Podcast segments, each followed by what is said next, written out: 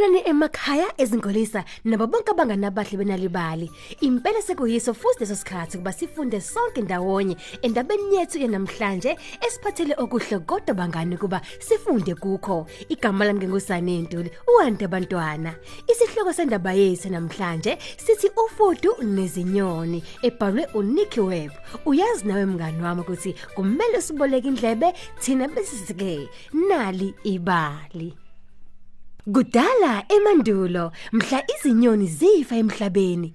Umoya wawushiya imizimba yazo. Umoya besuyantanta emafwini ubuye uphile futhi kulo ifu. Sengathi umuntu ozoqaphela futhi anakekele izinyoni kanye nazo zonke izilwane emhlabeni. Izinyoni bangani bami kanye nezilwane zazinalo ulwazi mayelana nalabantu ke noma nje nalamafu. Ngelinye ilanga imvula ayizange ine emhlabeni unyaka wonke utshani mngani wami babona amadamu asha nezilwane nazo zahlaselwa indlala izilwane nezinyoni zahlangana kuba zithathe isinqumo malana phela nesomiso esihlasele ibhubesi lathi ke Ngicabanga ukuthi kuzomela sidle ostrich. Hayi cha cha cha ngeke. yazikhalela bandla intshe inkawu yathi ke Ay mina ngicabanga ukuthi kumele sibheke nje enye indawo esizophila kuyona. Hawu, akukho lapho esingaya khona. Isomiso sigcwele yonke indawo. Ay yazi kuzomela sikhulume nalabantu bamafu. Mhlambe nje bazokwazi ukuthi kumele kwenziwe njani. Kwakusha isikhova bangani bami izinyoni nezilwane bonke bavumelana kuba izinyoni kube izona ezondezela phezulu ukuyoxoxisana nalabantu abayimafuke Mhlawumbe ke bazothumela ukudla emhlabeni okuzophakela izinyoni nezilwane ezihlaselwe ukulamba. Emhlanganweni kukhona ufudu kanye phela nonkosikazi walo. Ufudu lwalikhathazekile bakithi. Lolwazi ukuthi uma ngase abantu abamafu balethe ukudla emhlabeni kungathatha isikhathi ukuthi lona nonkosikazi walo bafinyelele ngesikhathi kulokhu kudla ke. Impela lolulambile futhi nje lungafuni ukusala lwazi lwathi Ngempela ngempela nicabanga ukuthi abantu bamafu bangalela inqobe engaka enyoni enikudingayo inkosi. Umuntu ozozwakalisa ukubaluleka emlayezweni. Ngizoba inkosi. Mina ke ngizonikhulumela. Hey bangani mami izinyoni zahlokoma zikhuluma zodwa ekhambeni kwesikhathi izinyoni zavuma ukuba ufudu lube inkosi zase phela zilibuza Njengenkosi ngizonikhulumela nonke. Ngokungazelele bangani bami ingcwingci yazinwa ikhanda layo ititekile Hawu kodwa, sizolifikisa kanjani ufude emafwini? Hey impisi nenkawu bavele bahleka asikho isitole sake sacabanga ngalenkinga noma kunjalo ke ayisekhona masamaningi ekugcineni isikhova sathi Yazi ukuthini? Sizomnamathisela nje impapha emlenzeni. Uma selifaka impapha lolufuthi kungenzeka lindize yazi. He bangani mami? Ufudu lwabuke ngathi phela alisile sebelifaka izimpapha emlenzeni. Izilwane eziningi zazifuna ukuhleka phela kodwa zazazi ukuthi ufudu kokuyithemba lazo lokugcina ngci. Wonke umuntu ke wabamba umoya ngesikhathi ufudu luphaqozisa imlenze yalo. Lwaphakama kancane luphakamela emoyeni lubhekele esibhakabhakeni dodo izilwane zabanga umsindo izinyoni zona zacula. Ngesikhathi ufudu liphakamela phezulu le esibhakabhakeni emafwini ngesikhathi ke izinyoni kanye phela nofudu sebefikile emafini. Abantu bamafu bakujabulela ukubona izinyoni beziqhenya ngokuthi ke zifike nenkosi yazo.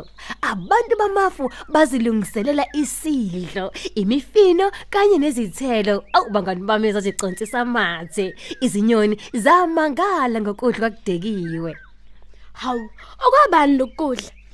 Yindaba okwenonke. Habe ufudu ayichithanga isikhathi ngiyakutshela. Lwagijimela phambili kuqala ngokuba phela nomhobholo lwadla konke mngani wami ukudla phambi kwezinyoni ezasikade zilibuka.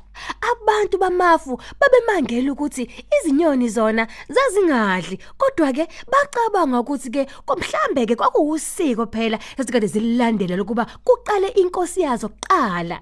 Izinyoni zazithukuthele kabi zagijimela kulo ufudo zafike zalukhipha izimpaphe. Lwazithola selibakaza bakise ufudo emafwini Hawu, uma ngagcuma emhlabeni, na kanjani ngizofa? Habe, kusenjalo. Lwabona phela uPholi. Naye phela enethemba lokuthi phela uzokuthola ukudla bade kudliwa. Ufudu lwase luthi ke. Ngiyacela Phuli. Tshela unkosikazi wami ukuthi angageli igquma lamaqabunga khona ngizogxumela kulona ukuthi ngingaweli emhlabethini. Nangempela bangani bami, uPholi wayengevethe ukuthele kabi ngenxa nje yesenzo sofudu. Ngesikhathi ke uPholi esebuyela le emhlabeni, wafike watshela unkosikazi walo phela ufudu ukuthi umyeni walo ucelile ukuba akhe phela ingqumba yamatshe ezokwela kuwona phela ufudu. Nangempela ufudu lwaqala ukwakha ingqumba yamatshe. Ufudu lwabuka phansi, lwabona unkosikazi walo emile eceleni kwento ethize. Nangempela dodo lwaqagela ukuthi kungenzeka kube ingqumba yamaqabunga. Lwaselivala amehlo alo, lwabamba umoya. Ha, lwagxuma. Umzimba walo omncane osandingiliza wawela phansi emhlabathini. Wahlala kanzima phezulu kwamatshe lwakhala lapha igobolondo lwalo luphihlika unkosikazi wofudu lwaphuthuma ukuyobheka lwabuka igobolondo elahlephukile. Unkosikazi walinakekela ufudu lwaze lwalulama kodwa ke ukugayeka egobolondweni akuzange kuphele kuze kube imanje. Okukhombisa isenzo ayesenza phela ezinyonini. Kusenjalo abantu bamafu baphatheka kabi mngani wami bebona ukuthi izinyoni zazibaluthe kanjani. Babanga umsindo bakhala. Izinyembezi zabo zawela phansi zisuka esipakaphakeni zaze zayomanzisa umhlaba njengemvula. Utshani nezihlahla kwaqala kwamila. Izinyoni zaba nokudla. Izinyoni ke aziphindanga zaluthemba ufudu. Kuze kube inamhlanje ufudu lusacasha egobolondweni lalo uma phela lubona izinyoni. Silibamba lana ona namhlanje uhlelo lwethu. Ngendaba ebhalwe uNicky Webb ebikhuluma ngofudu kanye nezinyoni. Kwathi moyeni yadidiyelwa ngusenzo wakahlela. Uyazi ukuthi ukufundela abantwana bakho izincwadi lokho babeka emathubeni angcono kuba babe nolwazi oluningi empilweni. Ingakho sikhuthaza kuba abantwana bakuthanda ukufunda.